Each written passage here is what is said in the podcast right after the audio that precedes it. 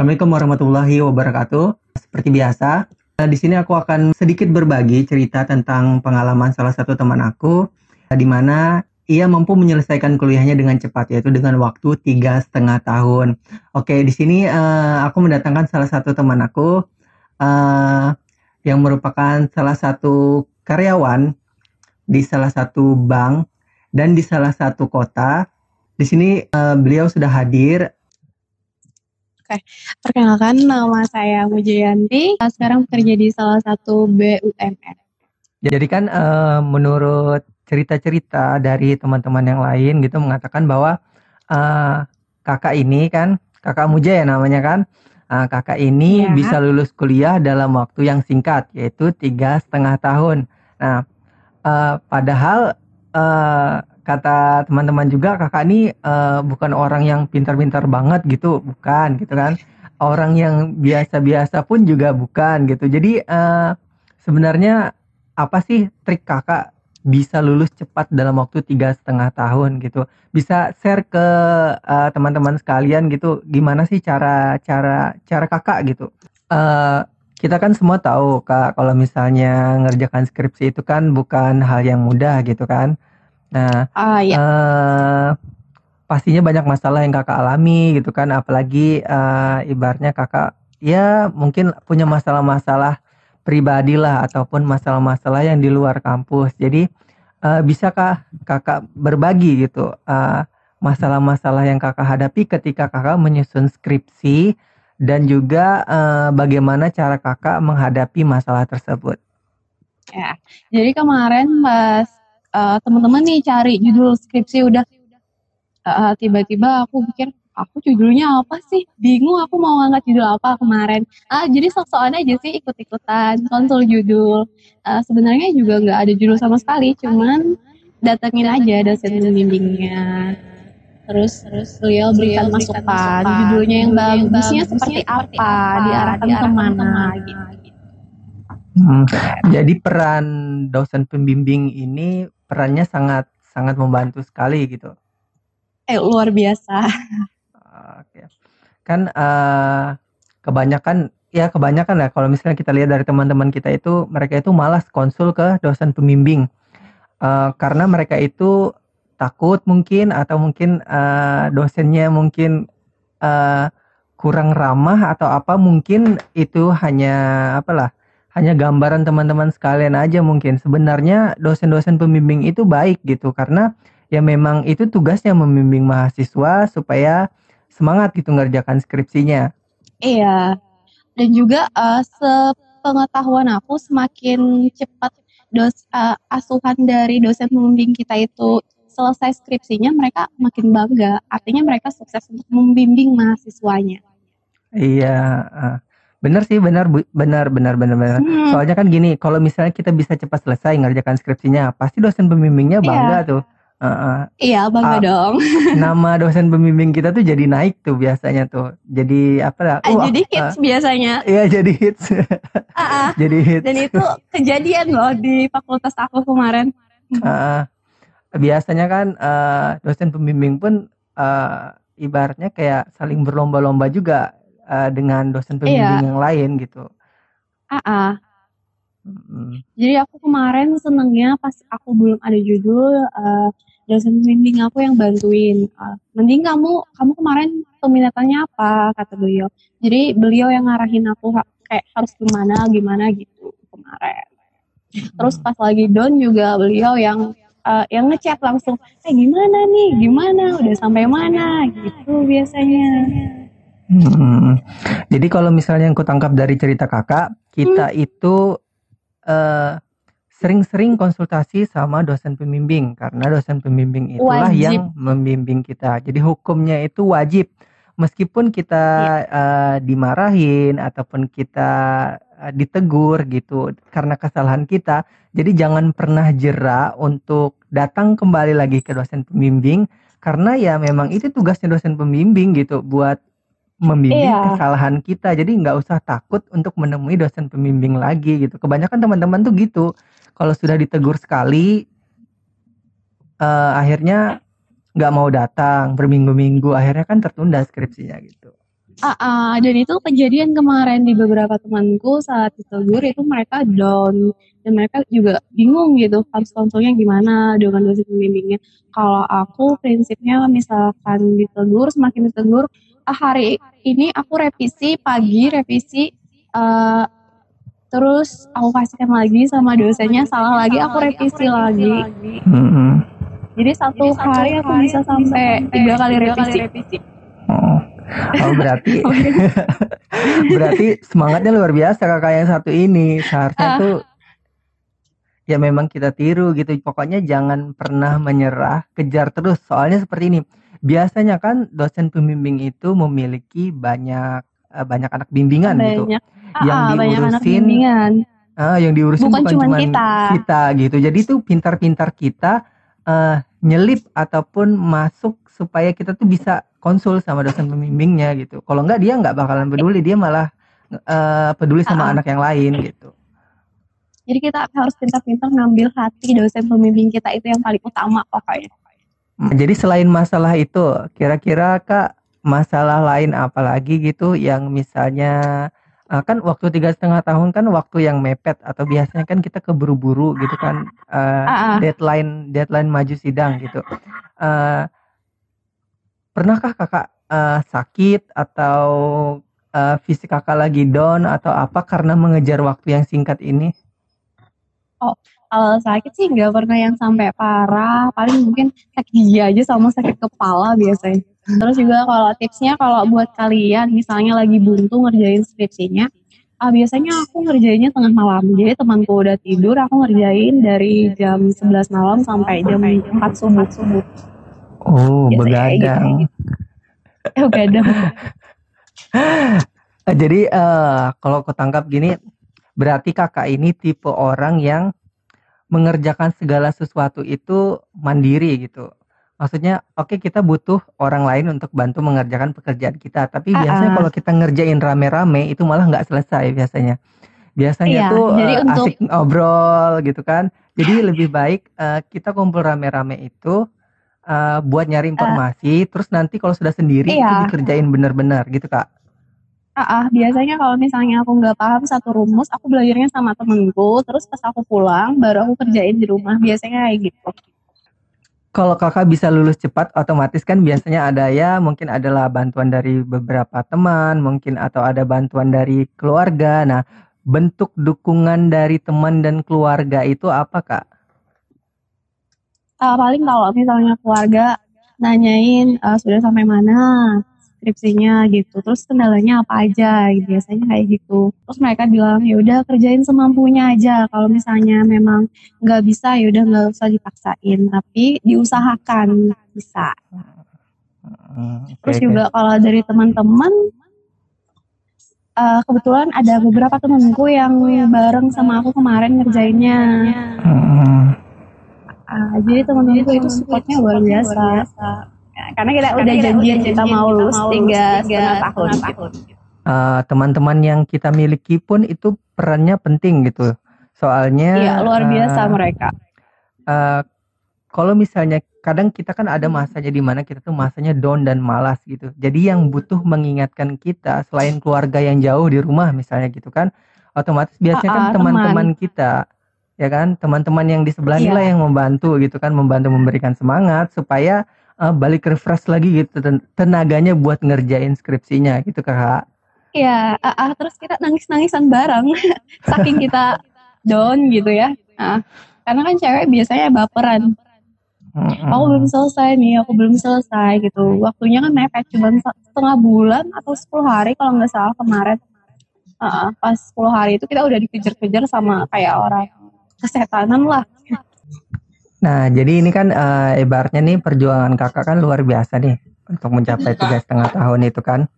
Uh, mungkin ada kendala lain kakak, uh, misalnya mungkin dari segi biaya kak atau dari segi apa ya kita tahu kan, uh, uh, ya kakak salah satu anak rantau gitu kan. Biasanya kalau anak rantau pastilah uh, budget bulanannya itu pasti dibatasi gitu kan pengeluaran kita, pengaturan kita gitu.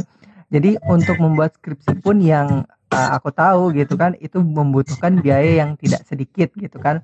Jadi, Ah, uh, jadi apa yang kakak lakukan gitu untuk me- untuk penelitian aja biasanya kan kakak ngeluarin biaya tuh. Nah, sedangkan kakak anak rantau, jadi apa yang kakak lakukan? Gitu? Tipsnya aja. jadi Gitu. aku ah, tipsnya kemarin aku ya ya aku kerja sampai ke kuliah. Jadi kalau Hmm. misalnya ada event-event tertentu aku ikut sama temanku. Jadi kalau SPG event itu kan biasanya uangnya cepat dan paling gede. Itu aja. Oh, jadi kakak eh, ikut kayak apa kerja SPG yang part time gitu kah? Ah, jadi kita biasanya ada event tertentu, misalnya pas di mall, misalnya dua hari. Nah, kita dua hari itu aja kerjanya. Jadi selanjutnya kita nggak kerja lagi. Oh gitu. Nah, Jadi jadi itu ya kalau untuk ada bantu-bantu. event aja. Eh, terus kemarin cara mensiasatinya nggak terlalu banyak ikut organisasi sih. Bukannya nggak Oh, terlalu banyak, nggak ikut sama sekali sebenarnya. oh iya. Oh, nah ini nih nih nih, nih kita bahas masalah organisasi. Organisasi. Ah, oke. Yang kita tahu gitu kan, kalau misalnya organisasi itu di kampus pasti banyak bejibun gitu kan. Nah, Iya. eh menurut saran kakak gitu, kira-kira organisasi itu kalau di semester akhir itu perlu di tetap diikuti atau ditunda dulu lah atau gimana gitu atau nggak usah diikuti atau apa gitu terserah Eh, jadi menurut aku, menurut aku nih, kalau misalnya kita udah semester akhir, mending untuk organisasinya dikurangin aja. Kenapa? Hmm. Karena kan kita harusnya cuman di semester 1 sampai 5 doang yang fokusnya. Selanjutnya kita harus fokus lagi ke yang lain, misalnya skripsi kita. Karena kalau misalnya kita masih fokus ke organisasi, waktu kita nggak cukup. Nah, tuh buat teman-teman yang aktif organisasi kalau memang mau ya mau cepat selesai kuliahnya Ah, ah. bukan menghentikan tetapi dikurangi Tri- porsinya. mengurangi. Ah, ah, mengurangi. mengurangi. porsinya. Karena eh, itu mengganggu sih kalau menurut aku secara pribadi mengganggu gitu. Sudahlah ah. cukup semester 1 sampai- semester 5 sudah cukuplah berorganisasi. Ah, Sisa semesternya kita tuh fokus ke lain fokus. lagi. Ah, Iya. gitu. Terus apa lagi nih mau nanya apa? Aku bingung sebenarnya. Oh ya ini, nih, oke. Ah, ya. Ah, nih masalah kuliah sudah selesai, berarti tinggal Ah, ya. lulus. Ah, ah. Oke, tinggal kan lulus kuliah. Ya, tinggal Dunia lulus nyata. kuliah. Nah, dunia nyata kan kebanyakan kan kalau teman-teman kita tuh ngurus masalah skripsi aja bisa pening kepalanya gitu, pusing gitu kan Ah, ah. sampai kayak udah masalah terberat di dalam hidup. Padahal yang kita tahu gitu kan kalau misalnya setelah lulus kuliah justru setelah kuliah itulah baru dimulai segala macam masalah bermunculan. Nah, kakak kan sudah pernah lulus kuliah gitu. Masalah Ah, apa yang sudah kakak pernah hadapi? lulus. sudah lulus. Oh, ini sudah lulus. Oke, Sudah oke. lulus. Jadi masalah apa yang kakak hadapi pertama kali setelah lulus kuliah? Eh, masalahnya penolakan. Penolakan seperti apa? Ah, jadi kalau kita baru lulus kuliah, biasanya kita ngelamar kerja kan di mana-mana gitu. Biasanya mungkin kita ditolak. Pas ditolak itu kita berusaha berbesar hati untuk mencoba lagi di lain perusahaan biasanya. Mm, mm, Eh, selain penolakan-penolakan apa lagi? Eh, penolakan, kayaknya sih penolakan aja sih sebenarnya. Bebannya kan karena kita udah S1 biasanya, terus nggak punya kerja, terus di jadilah bahan gosip di kampung kita. Oh, Dia udah lulus, gitu. terus belum kerja gitu. Oh, Jadi ibaratnya gini lah, mungkin yang kalau aku tangkap dari cerita kakak itu bahwa kalau setelah lulus kuliah itu para mahasiswa yang baru lulus itu berlomba-lomba untuk mencari kerja. Pikiran Iya. mereka sementangan S1, oh pasti bakalan kerja di tempat yang wow, Ah, mungkin ah. seperti itu Fresh atau graduate kan? fresh Ah, ah. graduate. Padahal kenyataannya uh, ada ribuan mahasiswa mungkin yang berlomba juga dan berpikiran hal yang sama juga seperti itu dan baru lulus juga gitu. Dan persaingan mereka sangat ketat gitu. Jadi akhirnya terjadilah penolakan-penolakan ya kan, ditolak di sana, ditolak di Ah. sini dan itulah yang lebih berat daripada skripsi. Jadi kemarin aku nganter lamaran itu udah nggak kehitung. Kira-kira berapa lamaran yang kakak antar? berapa ya kemarin. Hmm, mungkin mau 50 atau ser- atau 70 mungkin. Wow, pokoknya lebih dari 50 lamaran. Nah, jadi buat teman-teman nih kalau Ah. misalnya baru lulus kuliah, yang pertama disiapkan itu adalah lamaran kerja. Tawaran. CV Karena- jangan lupa yang Oh paling ya, bagus. CV, CV-nya juga jangan lupa yang paling bagus, yang paling menarik. Soalnya nih berdasarkan pengalaman kakak yang ada di sebelah ini, eh dia itu udah lebih dari 50 lamaran yang dia buat dan waktu itu pun Ah. banyak yang gagal dan penolakan. Bukan berarti kita tuh gagal, cuman kita tuh bersaing dengan eh, mahasiswa-mahasiswa lain yang baru lulus juga gitu. Ah, dan itu biasanya aku kalau ngelamar kerja nggak mau posisi yang agak rendah biasanya yang lumayan tinggi biasanya. Saya supervisor aku ngelamarnya kayak gitu biasanya. Eh, mungkin lamaran kerjanya ya di- disesuaikan juga dengan latar belakang pendidikannya gitu kan. ah, ah, ah. Ah. Nah, setelah sekian banyak penolakan, penolakan akhirnya kakak kan diterima nih di salah satu bank, gitu kan, di salah satu Ah, iya. bank di kota kakak gitu. Eh, bisa ceritakan lah kak, prosesnya gimana sih kakak bisa diterima gitu, sama tipsnya Oh apa iya. gitu? Oke. Eh, jadi kemarin kebetulan aku ikut yang namanya grup yang nge-share lowongan kerja nih. Ah, ah. Pas di lowongan kerja itu kan ternyata aku lihat nih ada lowongan di salah satu bank TED gitu ya. Nggak usah disebutin lah namanya. Hmm, Ah, terus aku coba ikut, terus aku antar lowongan, aku antar lamaran. hmm, Pas ngantar lamaran itu ternyata eh, dari mereka langsung ngukur tinggi badan sama berat badan. hmm, Setelah itu prosesnya mungkin satu bulan atau dua satu setengah bulan lah hmm, baru ada dikabarin untuk proses wawancara. hmm. Eh, terus eh, setelah wawancara nunggu lagi sampai dua bulan kalau nggak salah. Hmm, baru kita dikabarin tes kesehatan. hmm, Cuman di antara jeda-jeda menunggu itu hmm. eh, ternyata aku dila- dilamar, bukan dilamar sih, tapi diterima di salah satu bank juga. Oh, Jadi, Jadi, aku ambil ya gitu. Oh gitu. Jadi kalau misalnya eh, mendengar cerita kakak gitu, selama proses Iya. kakak melamar itu kakak kan pasti melamar lebih dari satu pekerjaan kan kakak Iya, sebar biasanya. semua surat lamaran. Nah jadi kalau misalnya kalian diterima CV-nya atau lamarannya di salah satu perusahaan gitu kan, eh, belum tentu loh itu tuh diterima. Jadi eh, Iya. jangan berhenti gitu. Tetap kalau misalnya ada juga yang eh, ada perusahaan lain yang menerima CV-nya juga, ya tetap diterima aja sampai itu benar-benar diterima fix Sampai kita tanda tangan kontrak. Ah, sampai tanda tangan kontrak memang dinyatakan diterima, baru itu dilepas salah satu gitu kan. Soalnya ah, sesuatu yang belum pasti itu nanti malah akhirnya lepas semua gitu kerjaannya, ya gitu Kak. Iya. Jadi sampai kita sudah tes kesehatan sama tanda, tangan kontrak itu baru pas. Kan Kakak ini eh, bilang kan kalau Kakak tadi pernah kerja di bank juga sebelumnya gitu kan. Jadi otomatis Iya. Kakak ini kerja di dua bank gitu kan. Ah, Ah, ah. Di nah, dua bank. eh, kenapa sih Kakak jadi melepas eh, bank yang satunya lagi ketimbang bank yang sekarang gitu? Ah, jadi kalau eh, bukannya nggak baik bang yang sebelumnya. Semua pekerjaan itu baik cuman kita harus baca lagi peluang ke depannya jenjang karirnya kayak gimana. Nah dari situ kalau kita udah pertimbangin yang mana lebih bagus nah makanya saya lepas yang kemarin gitu. Jadi eh, tipsnya tuh lihat peluang di antara dua kerjaan Ah, ah. ini eh, yang mana peluang sih jangka panjangnya Ah, ah, peluang peluang jangka panjangnya soalnya kan kita berpikir untuk jauh ke depan gitu bukan cuma untuk saat ini aja Iya. gitu kan. Ah, ah. Kalau sudah fix yakin tinggalin aja itu udah satu kerjaan. aja Ah, ah. Ah, Tinggalkan dan satu di pekerjaan. pekerjaan yang baru Oh jangka ya jadi panjang membaca peluang kerja gitu.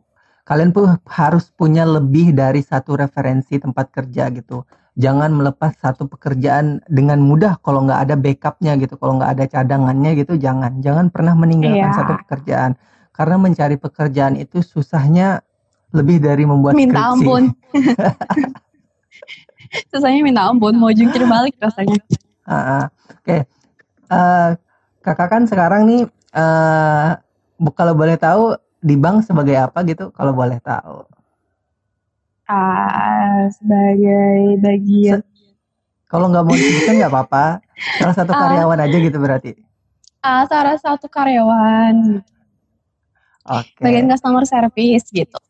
Oke.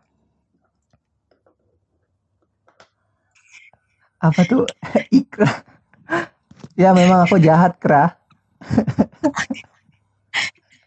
nah, berarti kan ibaratnya perjuangan kakak selama ini tuh eh, nggak sia-sia lah kalah sampai akhirnya bekerja di salah satu bank yang diinginkan, memang diinginkan selama ini kan gitu. Diinginkan. Ya. Eh, kira-kira kalau misalnya kami ingin bekerja seperti kakak gitu, kemampuan apa yang harus kami miliki? gitu? Kalau kemampuan yang signifikan sih nggak ada ya. Yang penting Mm-mm. kita mau usaha aja. Jadi kalau misalnya ada lowongan di suatu bank, ikutin aja. Yang penting kita eh, memenuhi kualifikasinya. Misalnya dari tinggi badan sama berat badan kita udah profesional, udah itu aja sih. Mm-mm. Jadi intinya eh, gini ya, sebelum lulus tuh kalau memang niatnya mau ke perbankan, fisik dan penampilan itu harus disiapkan uh, sudah dari jauh-jauh hari mungkin Iya, lah. Ah, ah, Ah, ah, ah. Gitu. Karena untuk mereka kan eh, tinggi badan kan punya standar sama berat badan punya standar proporsional.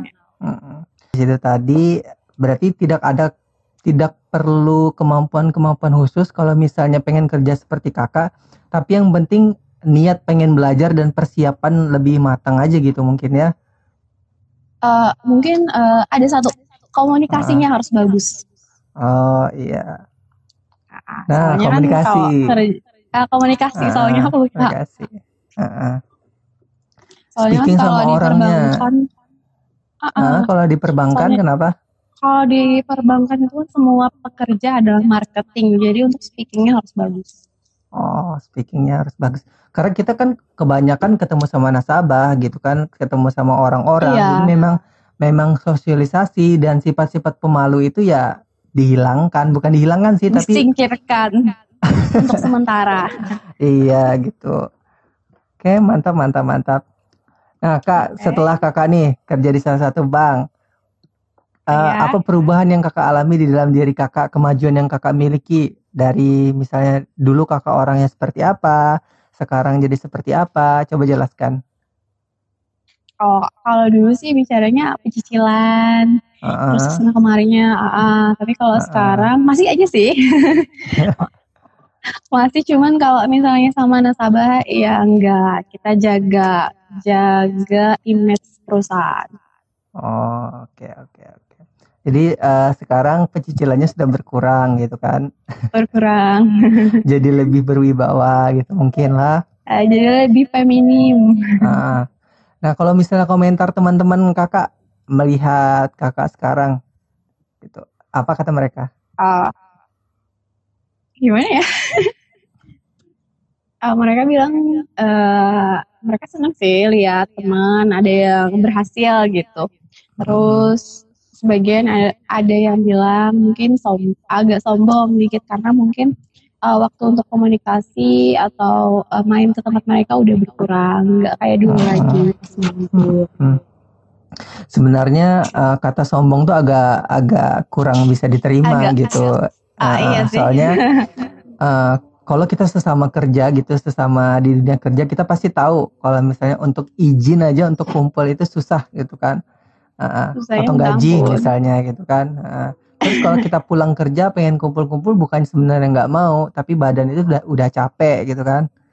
Ah, mau Udah capek mau susah. tidur biasanya. Ah, ah. Jadi kalau misalnya dibilang sombong tuh janganlah bilang kakak Muja itu sombong gitu kan. Ah, waktunya aja mungkin belum bisa bertemu untuk saat ini. Kalau mau ketemu sama kakak Muja ya bisalah atur waktu gitu. Nggak mungkin setiap Kalau hari mau kayak ketemu sila. Ah, Kalau ah. mau ketemu silakan CP. nah CP gitu. Soalnya kan kalau waktu masih kuliah mau setiap hari pun ketemu nggak apa-apa, langsung main ke kos nggak apa-apa. Mhm. Tapi kalau misalnya kita sudah Oke. kerja kan ada jadwalnya sendiri gitu kan. Orang tua, komentar orang tuanya. Ah, orang tua sih luar biasa bangga lihat anaknya.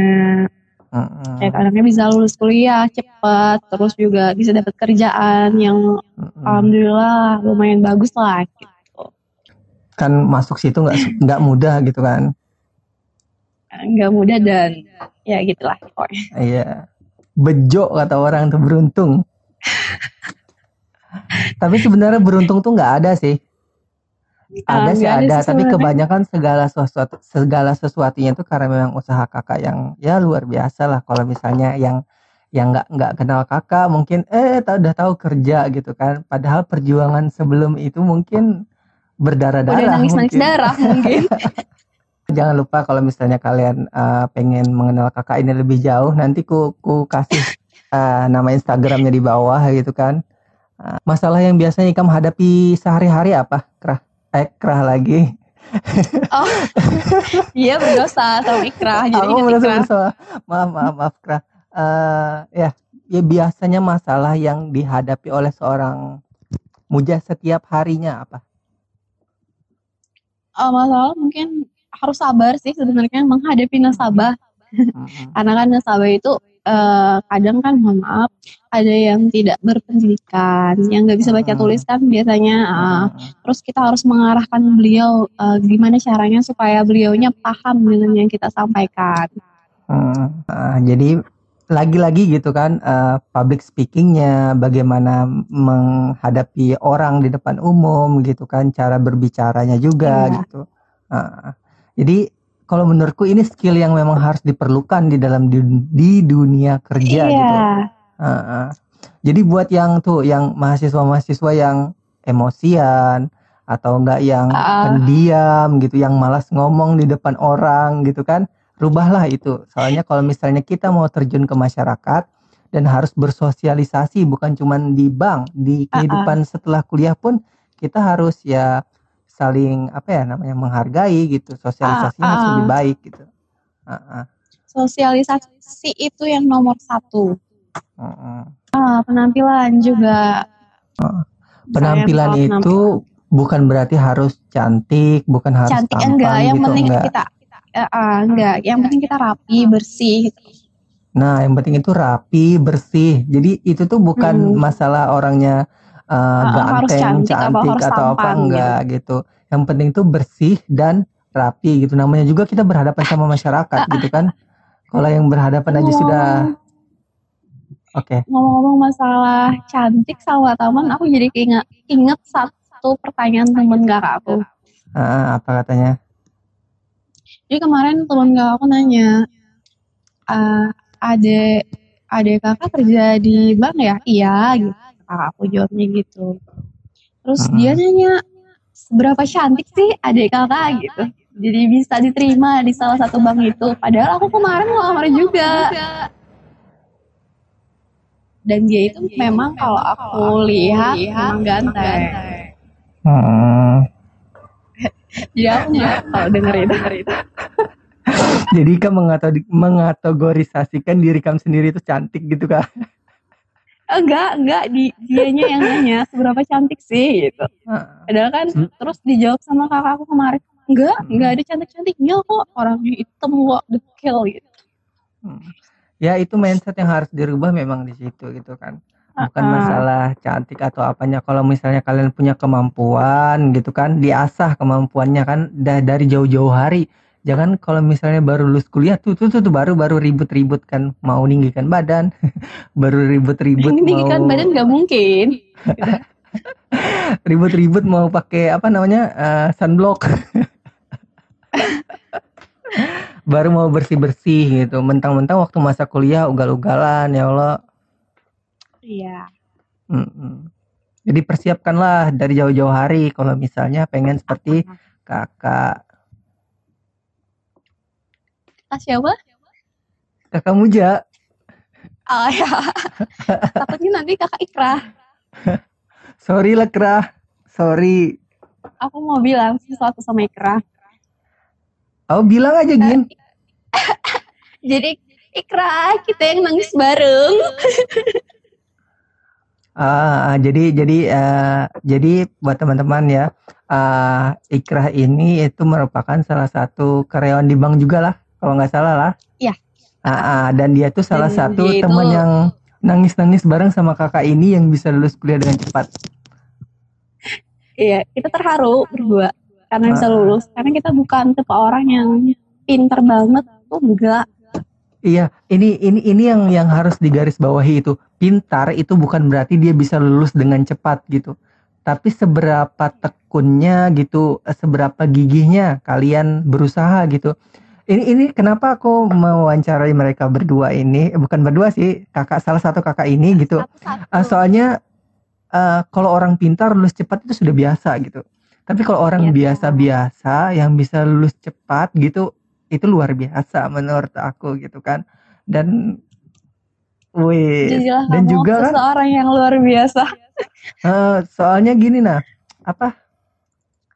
Kan tanpa angin, tanpa hujan, orang yang hanya biasa-biasa saja gitu, kok bisa gitu nah. Coba ceritakan sedikit lah ceritanya itu. Ah, jadi yang belum kenal atau nggak sekampus sama aku pasti nggak tahu nih ceritanya. Jadi aku adalah mahasiswa yang nggak pernah ikut organisasi sama sekali. Bukan berarti organisasi nggak baik. ya. Iya, Cuman betul. aku pikir eh, ah, aku nggak sanggup bagi waktunya karena untuk di kampusku menurutku itu kuliahnya cukup padat.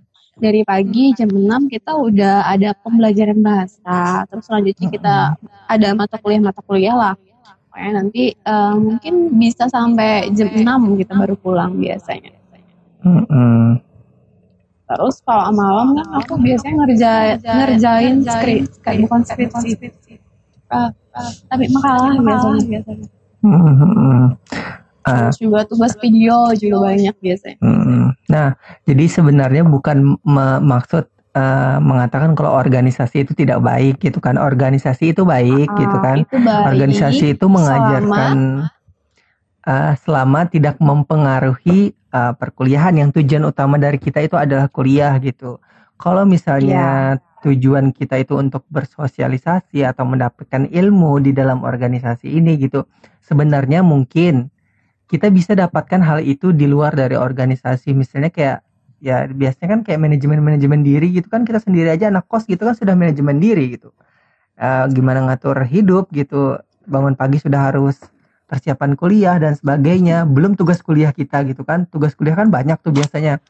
Nah, itu kan bisa kita atur gitu kan. Jadi eh, mungkin bagi kakak ini organisasi itu tidak cocok aja untuk eh, ritme kehidupan yang kakak miliki gitu. Tapi kalau misalnya ada yang cocok, ada yang cocok sama organisasi ya silahkan gitu, ya kan?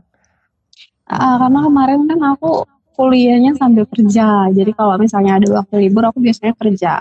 Jadi kalau misalnya aku ikut organisasi, otomatis aku nggak bisa kerja pas libur. Hmm, hmm, hmm, hmm, hmm. Jadi eh, organisasi ini bisa negatif, bisa positif. Jadi- Jadinya gitu kan, bisa menghambat kuliahnya atau Iya. Memperlancar. Ya, ya, ya, atau memperlancar gitu. Oke. Terus ja, eh ini kan sudah nih, sudah ya bisa dikatakan sudah Sudah. eh, sudah enak lah mungkin lah, sudah sudah ya nyaman lah gitu kan, sudah apa yang diinginkan sudah dicapai gitu. Kira-kira ada keinginan lain kah yang masih ingin dicapai? Hmm, eh, kalau keinginan sih pasti ada gitu ya. Setiap orang kan pasti kalau misalnya udah capek satu pengen satu lagi. Dan itu aku juga tipe orang kayak gitu. Jadi aku eh, pengen kalau suatu saat nanti aku bisa masuk di bagian HRD-nya. Hmm, Oke, Karena sesuai sesuai latar kita. sesuai Ah, latar belakang pendidikan kan. Ah, ah, Ya, karena kan kita mudah-mudahan. meng- meng- belajar alat rekrutmen perusahaan. Hmm, hmm, hmm, hmm. Oke. Eh, kalau boleh tahu jurusan yang kakak miliki itu apa sih? jurusan Oh ya kuliahnya dari tadi dulu kita gitu. ngomong dari tadi kita ngomong dari A sampai Z belum tahu jurusan. Oke. Eh, untuk jurusan kemarin aku ngambil psikologi Islam. Peminatannya eh, industri dan organisasi. Jadi ada salah satu dosen yang Kici Badai di sana. Oke oke oke oke.